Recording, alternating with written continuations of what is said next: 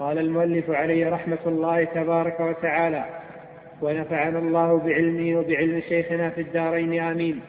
والمؤمنون يرون ربهم في الآخرة بأبصارهم ويزورونه ويكلمهم ويكلمونه.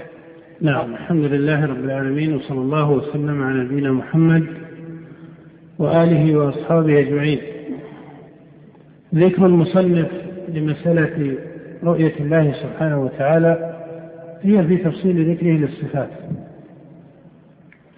والقول في مسألة الرؤية أعني رؤية المؤمنين لربهم في الآخرة وذلك في مقامين في عرصات القيامة وبعد دخولهم الجنة. فهذا من مسائل الإجماع المتفق عليها بين السلف أن المؤمنين يرون ربهم عيانا بأبصارهم في الآخرة في مقامين في عرصات القيامة وبعد دخولهم الجنة. وظاهر النصوص أن رؤيتهم له سبحانه وتعالى بعد دخولهم الجنة تكون أتم من الرؤية التي تقع في عرصات القيامة. فإنها المذكورة أعني التي بعد دخول الجنة هي المذكورة في قول الله تعالى في الذين أحسنوا الحسنى وزيادة فإن النبي صلى الله عليه وآله وسلم في حديث الصحيح الذي رواه مسلم وغيره ذكر الزيادة وقال هي النظر فما أعطوا شيئا أحب إليهم من النظر إلى ربه. فهذا من معاقد الإجماع الذي دل عليه الكتاب والسنة والإجماع. ومن أخص دليل القرآن على ثبوت رؤية المؤمنين لربهم قوله تعالى وجوه يومئذ ناظرة إلى ربها ناظرة فإن هذا من دليل السلف الصريح على إثبات رؤية المؤمنين لربهم. وكذلك قوله تعالى للذين أحسنوا الحسنى وزيادة فهذا أيضا من صريح الدليل. وإن كان لفظ الزيادة لفظا مجملا إلا أن النبي صلى الله عليه وسلم فسره فيما صح عنه الصحيح وغيره فسره بذلك أي بالنظر وهو الرؤية له سبحانه وتعالى. وكذلك من دليل الرؤية يعني رؤية المؤمنين لربهم في الآخرة في كتاب الله قوله تعالى عن الكفار كلا إنهم عن ربهم يومئذ لمحجوبون. فإن في هذه الآية دليلا على أن المؤمنين لا يحجبون عنه كما ذكر ذلك الشافعي ومالك وجملة من السلف. ومن دليل ذلك قوله تعالى تحيتهم يوم يلقونه سلام فإن اللقاء إذا قرن بالتحية فإنه يفيد معنى النظر أو يتضمن النظر والرؤية. وقد حكى ثعلب وهو من أئمة اللغة حكى الإجماع على أي إجماع أهل اللغة على أن اللقاء إذا قرن بالتحية فإنه يفيد أو يتضمن الرؤية. وهذا رواه عنه أبو عبد الله بن بطة وغيره. أي رواه ذلك عن ثعلب وكذلك من دليل الرؤية في كتاب الله قوله تعالى لا تدركه الأبصار.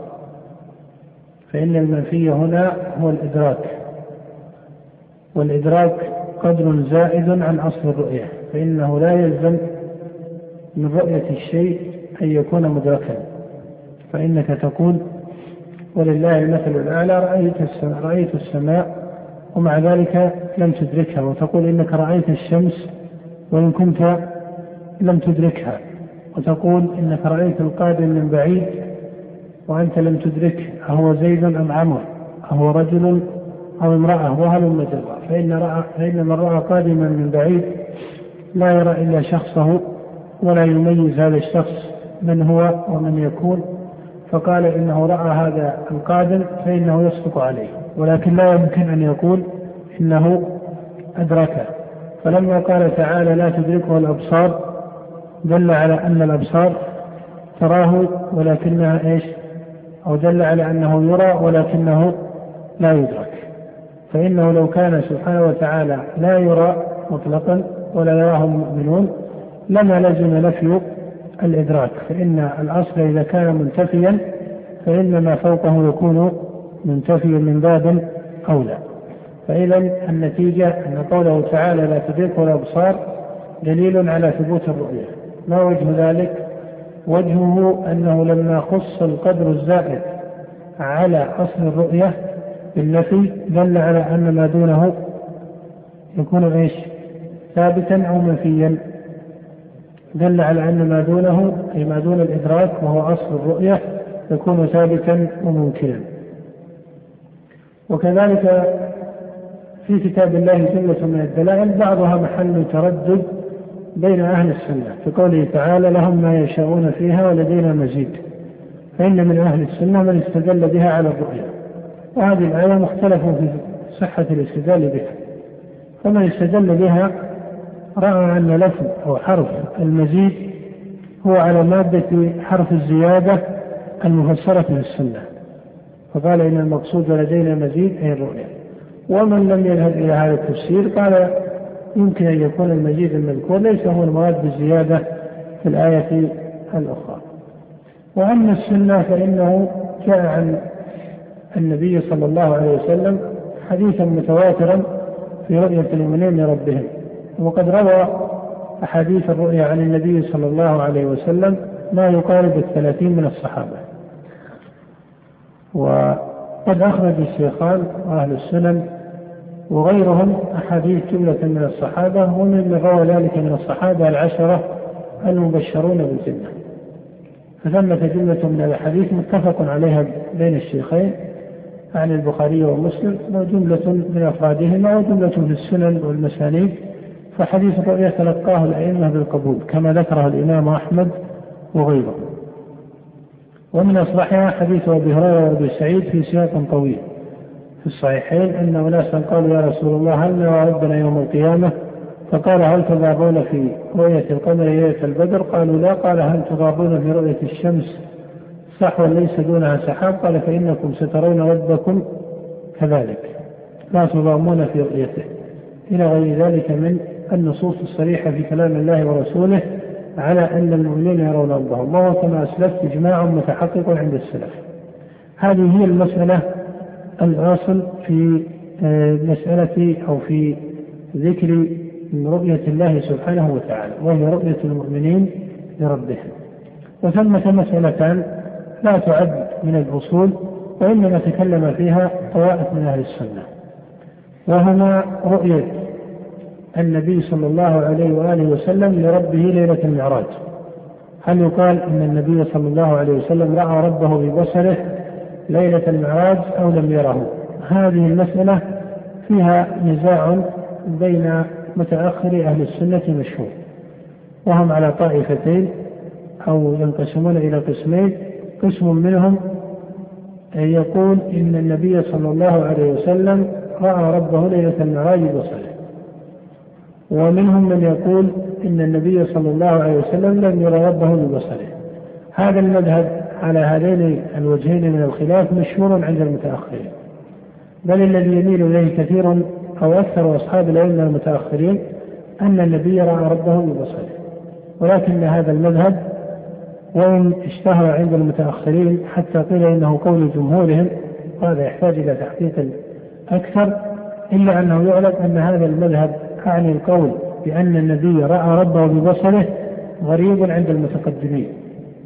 وهذه هي المسألة المقصودة.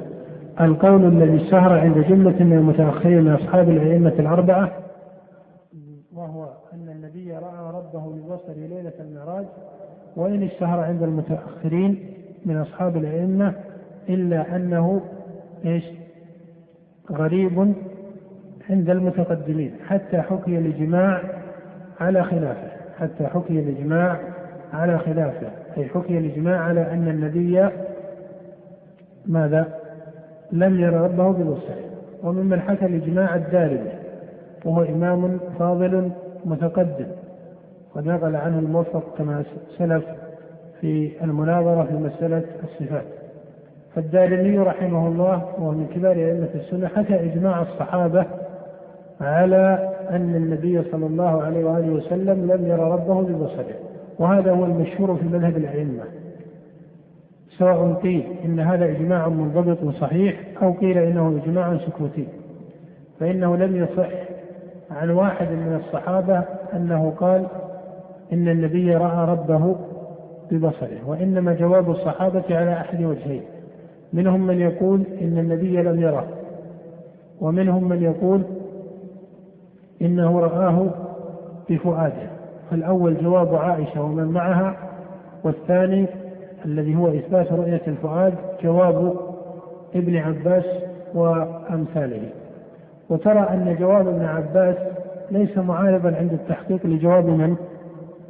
لجواب عائشة. بل يمكن أن يقال أن جواب ابن عباس يؤيد جواب عائشة من جهة أن ابن عباس لما قصر الرؤية على الفؤاد دل على أن ما فوقه وهي الرؤية البصرية متحصلة أو غير متحصلة. غير متحصلة.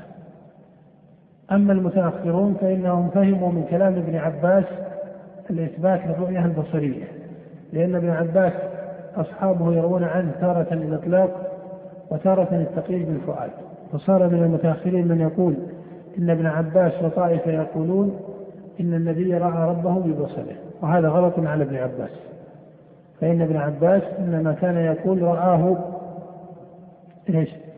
رآه بفؤاده ولم يقل ابن عباس رآه ببصره. فهذا تفسير للمتأخرين أو تفسير من المتأخرين لمذهب ابن عباس. ولهذا لا يغر طالب العلم ما يقع في كتب بعض الشراح في شراح الصحيح وغيره أنهم يقولون إن القول بإثبات رؤية النبي لربه ببصره هو مذهب ابن عباس وطائفة. أو يقولون هو أحد قولي ابن عباس. بل الصواب أن ابن عباس له قول واحد فقط. ونسبة القول إليه غلط عليه. بل التحقيق كما أسلفت أن قول ابن عباس أن قول ابن ابن عباس لرؤية النبي لربه بفؤاده يدل على نفي الرؤية البصرية وليس على إثباتها. فإنه لو كان يرى أنه رآه ببصره لذكره. وكذلك الإمام أحمد فإن من الحنابلة من حكى عن أحمد أن النبي صلى الله عليه وسلم رأى ربه ببصره. وهذا كما قال شيخ الإسلام ابن تيمية وغيره إنه غلط على الإمام أحمد. بل الإمام أحمد إنما كان يجيب بجواب ابن عباس وعائشة مما يدل على أن الجوابين عنده ليس بينهما تعارض فهذا على كل تقدير يقال الصواب والذي عليه الجماهير من الأئمة حتى حكي الإجماع عليه أن النبي لم ير ربه ببصره. وإذا قيل رآه بفؤاده فهذه مسألة واسعة. كان ابن عباس وجملة من الصحابة يثبتونها. بل أكثر أهل السنة كما قال شيخ الإسلام يقولون بقول ابن عباس إن النبي رأى ربه بفؤاده. ولكن رؤية الفؤاد ليست هي الرؤية البصرية ليست هي الرؤية البصرية. ولكن مع هذا هل يقال مسألة رؤية النبي لربه من المسائل الأصول التي يضلل فيها المخالف ويبدع؟ الجواب لا ليست من المسائل الأصول. وإن كان القول بإثبات الرؤية البصرية غريب. وإن كان القول بإثبات الرؤية البصرية يعد قولا غريبا لا ينبغي أن يصار إليه. ولا سيما أن القول الذي عليه العامة من السلف والجماهير من أئمة السنة هو ظاهر القرآن وصريح السنة. أما أنه ظاهر القرآن فهو في قول الله تعالى سبحان الذي أسرى بعبده ليلا من المسجد الحرام إلى المسجد الأقصى الذي باركنا حوله لنريه من آياتنا. وفي قول الله تعالى لقد رأى من آيات ربه الكبرى. فهاتان الآيتان تدلان دلالة ظاهرة وإن لم تكن صريحة تدلان دلالة ظاهرة على أن النبي لم ير ربه ببصره ما وجه ذلك؟ ما وجه ذلك؟ وجه ذلك أن الله ذكر مسرى نبيه صلى الله عليه وسلم على جهة النعمة والامتنان عليه أليس كذلك؟ وأبان سبحانه وتعالى أنه رأى من آيات ربه وقال لقد رأى من آيات ربه وقال لنريه من آياتنا فذكر حاله في مقدمه وحاله بعد منتهاه ومع ذلك لم يقع ذكر الامتنان إلا على رؤية إيش؟ الآيات. قال شيخ الإسلام وغيره فلو كان النبي صلى الله عليه وسلم رأى ربه لكان إظهار الامتنان عليه برؤيته لربه أولى من الإظهار برؤية الآيات. فلما اقتصر ذكر القرآن على رؤية الآيات دل على أنه لم يحصل له ما هو إيش؟ ما هو فوق هذا المقام وهو رؤية النبي لربه. وهذا استدلال فاضل فقيه في تحصيل دلالة القرآن على عدم رؤية النبي لربه. وأما السنة فهو ما رواه أبو ذر أنه سأل النبي صلى الله عليه وسلم هل رأيت ربك؟ فقال رأيت نورا. وفي وجه آخر وكلا الوجهين رواهما مسلم في صحيحه أن أبا ذر سأل النبي صلى الله عليه وسلم هل رأيت ربك؟ فقال نور أن أراه. هذان الوجهان قيل إنهما محفوظان كلاهما والإمام أحمد في أحد أجوبته أو في بعض أجوبته وجملة من أئمة الحديث ينزعون إلى أن المحفوظ واحد من الوجهين. هذه مسألة فيها ساعة. المقصود أن قوله نور أن أراه كأنه إشارة إلى أن النور حال دون إيش؟ أن النور حال دون رؤيته. وهذا النور والله أعلم هو حجابه سبحانه وتعالى. فإنه ثبت في الصحيح من حديث أبي موسى أن النبي صلى الله عليه وسلم قال إن الله لا ينام ولا ينبغي له أن ينام يخفض القسط ويرفعه يرفع إليه عمل الليل قبل عمل النهار وعمل النهار قبل عمل الليل حجابه النور حجابه النور لو كشفه لأحرق سبحات وجه من انتهى إليه بصره من خلقه. وهو معنى قوله صلى الله عليه وسلم في الوجه الآخر رأيت نورا أي أنه رأى هذا الحجاب أو نور الحجاب. فعلى كل حال هذا هو قدر هذه المسألة. مسألة أخرى في باب الرؤية وهي رؤية الكفار والمنافقين لربهم في عرصات القيامة. هل المنافقون والكفار من أهل الأوثان وأهل الكتاب يرون ربهم في موقف القيامة كما يراه المؤمنون أم لا؟ أولا يقال هذه المسألة ليست من مسائل إيش؟ ليست من مسائل الأصول، إنما المسألة الأصل هي مسألة واحدة وهي رؤية المؤمنين لربهم، وأما مسألة رؤية الكفار والمنافقين فليست من الأصول. وإذا قيل أي المسألتين أقوى مقاما عند أهل السنة رؤية النبي لربه أو رؤية الكفار. رؤية النبي لربه أقوى لأن السلف وأولهم الصحابة لهم قول معروف فيها وهو أن النبي لم يرى ربه وهذا دل عليه ظاهر القرآن والسنة الصريحة. أما رؤية الكفار لربهم فإن شيخ الإسلام قال قولا قد يكون غريبا بعض الشيء على بعض الناظرين فيه. قال إن الصحابة لم يحفظ عنهم قول معروف فيها. هل الكفار يرونها أو أو أو لا يرون؟ يقول إن الصحابة لم يحفظ عنهم فيها قول وإنما تكلم فيها الناس بعد الصحابة. وعلى كل حال فلأهل السنة فيها أقوال. ومنهم من يقول إن الكفار يرون ربهم وإن كانت ليست رؤية النعمة والامتنان. ومنهم من يقول إن المنافقين يرونه دون بقية الكفار ومنهم من يقول إنه يراه المنافقون وغدرات من أهل الكتاب كما جاء في بعض أحرف الحديث الصحيح. ومنهم من يقول إن الكفار جميعا لا يرون ربهم. وهذا المذهب هو ظاهر مذهب الأئمة وهو الذي عليه الجمهور من أصحاب أحمد وهو الذي يدل عليه ظاهر القرآن في قول الله تعالى كلا إنهم عن ربهم يومئذ لمحجوبون وهذا هو القول الذي يميل إليه أمثال شيخ الإسلام ابن تيمية رحمه الله. وإن كان ابن القيم هذه من المسائل التي خالف فيها ابن القيم كلام الإمام ابن تيمية رحمه الله أو كلام شيخه. فإن ابن القيم يذهب إلى أن الكفار يرون ربهم ويجعل هذا عاما في سائر الكفار. ويستدل على ذلك بقول الله تعالى يا أيها الإنسان إنك كادح إلى ربك كدحا فملاقيه. وابن القيم يقول إن اللقاء عند العرب كما ذكره ثعلب يفيد إيش؟ الرؤيا. وهذا الاستدلال فوات على ابن القيم أو مما فات ابن القيم رحمه الله هذا الاستدلال. فإن الذي ذكره ثعلب هو في قول الله تعالى تحيتهم يوم يلقونه سلام واللقاء المذكور في هذه الآية ليس هو اللقاء المذكور في قوله يا أيها الإنسان إنك كادح إلى ربك كدحا فملاقيه ما الفرق؟ اللقاء في الآية الأولى قرن بذكر التحية والسلام. وأما اللقاء هنا فإنه مطلق. والذي حكى الثعلب وهو من أئمة اللغة إجماع أهل اللغة عليه هو في الآية الأولى. فإن ثعلب لما قال هذا القول في انتصاره فإن ثعلب كان من المنتصرين لدلائل أهل السنة وأقوالهم في مسائل أصول الدين. ثعلب إنما ذكر كلام أهل اللغة عند قوله تعالى تحيتهم يوم يلقونه سلام قال إن العرب إذا ذكرت اللقاء مع التحية فإنه يفيد البصر والرؤية. وأما اللقاء المطلق فإنه لا يفيد. وهذا أمر معروف حتى بالعقل والحس أن اللقاء المطلق لا يستلزم أو يتضمن النظر والإبصار.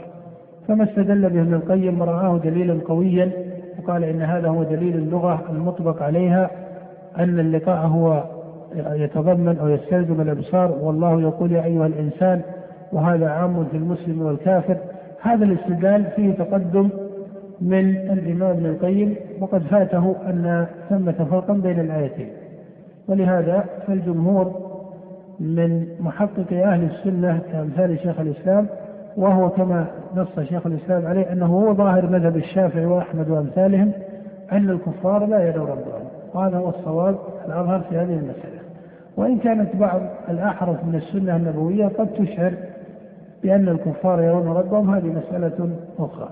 المقصود أن هذه المسائل الثلاث هي المقولة في مسألة الرؤية. رؤية المؤمنين وهي الأصل رؤية النبي لربه ليلة المعراج رؤية الكفار لربهم والمسألتان الأخيرتان ليستا من الأصول. وأما رؤيته سبحانه وتعالى في الدنيا لغير النبي صلى الله عليه وسلم ليلة المعراج فهذه أجمع عامة المسلمين على بطلانها ولم يدع شيء من ذلك إلا أهل الخرافة الذين يدعون أنه يرى قبل الموت. والنبي صلى الله عليه وسلم قال واعلموا أن أحدا منكم لن يرى ربه حتى يموت. وموسى لما سأل الرؤيا قال الله تعالى لن لن تراني وإن كان هذا ليس نفيا عاما للرؤيا أو مطلقا للرؤيا إنما هو نفي للحال. فإن موسى هل كان يسأل ربه أن يراه في الآخرة أو في الجنة أو في مقام الثواب أم كان يسأل ربه أن يراه في الحال؟ أيهما في الحال؟ وإنما الذي نفي هو محل السؤال.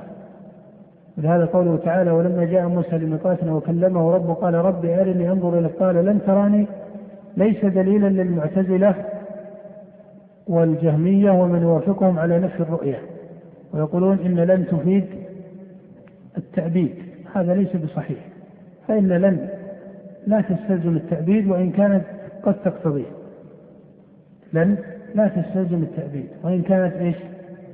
قد تقتضي بمعنى أن هذا بحسب السياق بحسب السياق. ولهذا في شعر العرب وأقوالهم سياق فيه ذكر لن من النفي يتضمن التأبيد أو لا يتضمن التأبيد يتضمن التأبيد وفيه كلامهم سياق آخر. فيه ذكر لن بالنفي لا يتضمن التأبيد ولهذا القول الصواب إذا قيل لك هل لن تقتضي تأبيد النفي؟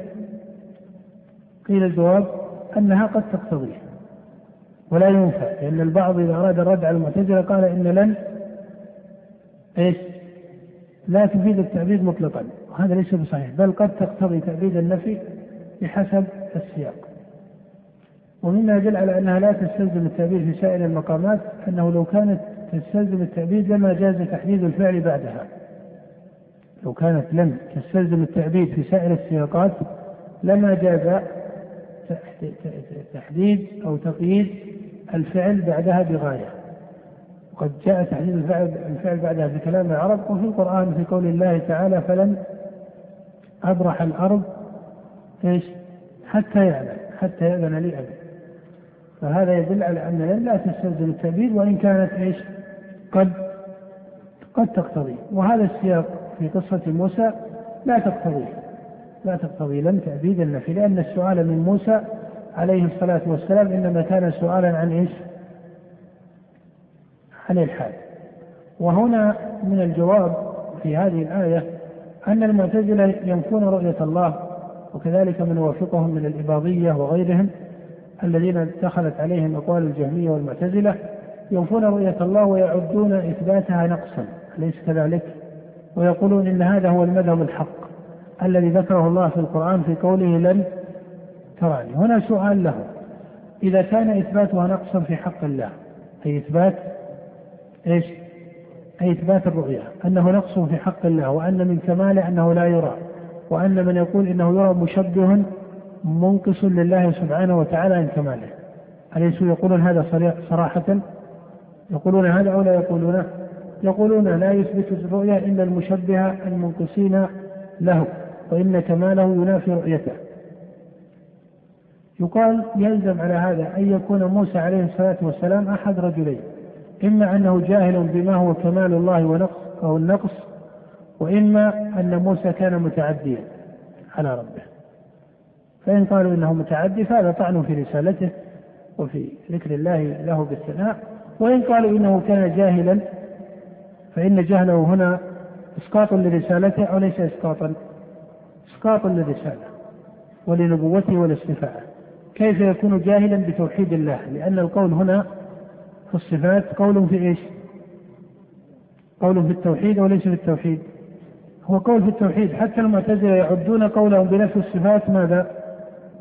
يعدونه توحيدا لله ولهذا سموا نفي الصفات في كتبهم الأصل الأول من أصولهم الخمسة التوحيد ويريدون بالتوحيد نفي الصفات. فإذا يمتنع أن يكون موسى جاهلا بما بما هو من أصول التوحيد. أو توحيد العلم والمعرفة وهو ما يليق بالله وما لا يليق به. ولهذا لا ترى أن الله عاتب موسى على سؤاله. ونوح عليه الصلاة والسلام لما سأل ربه مسألة ليست من الأصول المضطردة في أصل معرفته سبحانه وهو نجاة ابنه. ماذا قال الله له؟ لا تسألني ما ليس لك به علم. إني أعظك أن تكون من الجاهلين. هل قيل لموسى ما هو من ذلك؟ مع أن أي المسألتين أكبر. مسألة موسى قطعا فدل على أن سؤال موسى كان من أصله حقا ولكنه أمر يتعلق بمشيئة الرب وإرادته ولهذا قال لن تراني. وإنما يتفضل على المؤمنين برؤيته إلا وفوه يوم القيامة ودخلوا جنته. وعليه فقوله تعالى في قصة موسى ترى أنها عند التحقيق تدل على إثبات الرؤية. كقوله تعالى لا تدركه الأبصار فإن المعتزلة استدلوا بها على نفس الرؤية والصواب أنها دليل على الإثبات أنها دليل على الإثبات لأن المنفي هو الإدراك والإدراك ليس هو مطلق الرؤية بل هو قدر زائد على أصل الرؤية. ولهذا قال رجل لابن عباس إن الله يقول لا تدركه الأبصار ويقول وجوه يومئذ ناظرة إلى ربها ناظرة. قال له ابن عباس يا هذا يعني كأن الرجل فهم بين الآيتين إيش؟ ما هو من التعارض. أن الآية الأولى تنفي والثانية تثبت. قال ابن عباس يا هذا ألست ترى السماء؟ قال بلى. قال أتدركها كلها؟ قال لا قال فالله أعظم الآن لكل أحد من بني آدم يقول إنه يرى إيش؟ يرى السماء. هل أحد من بني آدم يستطيع أن يقول إنه يدرك السماء طولا وعرضا وامتدادا وماهية ونفوذا إلى آخره كلا فإذا بين من العقل والحس والنظر أن الإدراك ليس هو محض أو مطلق الرؤية. نعم. قال تعالى وجوه يومئذ ناظرة إلى ربها ناظرة. وقال تعالى كلا إنهم عن ربهم يومئذ لمحجوبون. فلما حجب أولئك في حال السخط دل على أن المؤمنين يرونه في حال الرضا. نعم وهذا استدلال ذكره الشافعي ومالك وجملة من السلف أن قوله تعالى كلا إنهم عن ربهم يومئذ لمحجوبون دليل على إثبات الرؤية. نعم. وإلا لم يكن بينهما فرق. قال النبي صلى الله عليه وسلم إنكم ترون ربكم كما ترون هذا القمر لا تضامون في رؤيته. هذا تشبيه للرؤية بالرؤية. معناه أي لا ينضم بعضكم إلى بعض أي لا يحتاج الناس إلى ازدحام. وهذا بين. ولهذا لما قال بعض الأعراب للنبي صلى الله عليه وسلم كما في حديث أبي رزين قال أبو رزين يا رسول الله كيف وقد ذكر النبي صلى الله عليه وسلم رؤية ربه؟ قال كيف وهو واحد ونحن كثر قال سأنبئك بمثل ذلك في آلاء الله. هذا القمر كلكم يراه مخليا به وهو إيش؟ وواحد فالناس يرون الشمس ويرون القمر ولا يتضام ولا يزدحمون ولا يتكلفون ولا يدفع بعضهم بعضا إلى رؤيته. مع أن هذا آية يسيرة من آيات الله. فالله سبحانه وتعالى أعظم. نعم. قال هذا تشبيه للرؤية بالرؤية لا للمرئي بالمرئي فإن الله تعالى لا شبيه له ولا نظير. نعم. وهنا طعن المعتزلة ردا لهذه الأحاديث فقالوا إن حديث إنكم سترون ربكم من أحاديث التشبيه لأن فيه كما ترون القمر وكما ترون الشمس وهذا غلط وجهل بمقتضى الكلام. فإن التشبيه هنا ليس تشبيها للمرئي بالمرئي أي ليس تشبيها لله بالقمر أو بالشمس وإنما هو تشبيه لفعل من؟ لفعل لفعل الرائين تشبيه لفعل الرائين هذا هو الفرق.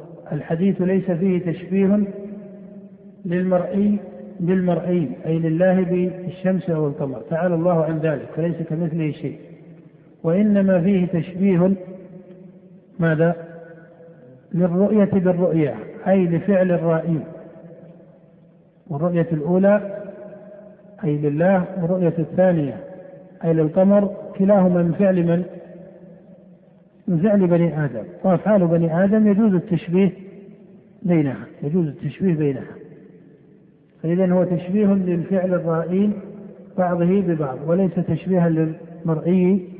بالمرئي وهذا من جهالات المعتزلة في هذا الباب ومن يوافقهم على هذه المادة.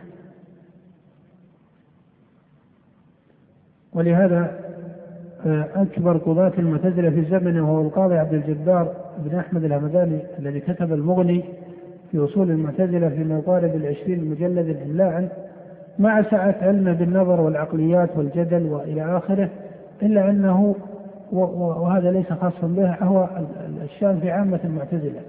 هم من أجهل الناس بالسنن والآثار. ولهذا لما أراد الرد على أدلة أهل السنة من من الحديث قال إنهم يستدلون بحديث رواه جرير بن عبد الله البجلي أن النبي صلى الله عليه وسلم قال إنكم سترون ربكم. قال وهذا حديث تفرد به جرير بن عبد الله وتفرد به عن جرير ثم ساق الإسناد. وقال هو حديث أحاد وفيه مادة من التشبيه وهذا كله جهل. أولا الحديث لم يتفرد به جرير بل الحديث يعني حديث الرؤية بسائر ألفاظه رواه ما يقارب الثلاثين من الصحابة. ورواية أبي سعيد وأبي هريرة أشهر عند المحدثين من رواية جرير بن عبد الله. فهذا مجموع جهالات من القاضي عبد الجبار المعتزلي. نعم. قال ومن صفات الله تعالى أنه الفعال لما يريد لا يقول. المصنف هنا لم يذكر مسألة العلو بكلام خاص. وأنت إذا قرأت الوسطية لشيخ الإسلام ابن تيمية وجدت أنه حاكى كما أسلفت هذا المؤلف أي حاكى صاحب اللمعة في تصنيف شيخ الإسلام الواسطية لما كتبها لبعض قضاة واسط وذكر مسألة كلام الله بما يقارب ذكر الموفق لها وذكر مسألة الرؤية وذكر مسألة الاستواء على العرش. لكن شيخ الإسلام عقد فصلا مختصا لمسألة العلو. عقد فصلا مختصا لمسألة العلو. الموفق لم يذكرها. كأنه أراد رحمه الله أنها داخلة في مسألة أو أن ذكر العلو متضمن في ذكر الاستواء على العرش. متضمن في ذكر الاستواء على العرش وإن كان بين مقام العلو المطلق وبين صفة الاستواء فرق تقدم. فهذا من الفروقات بين الرسالتين.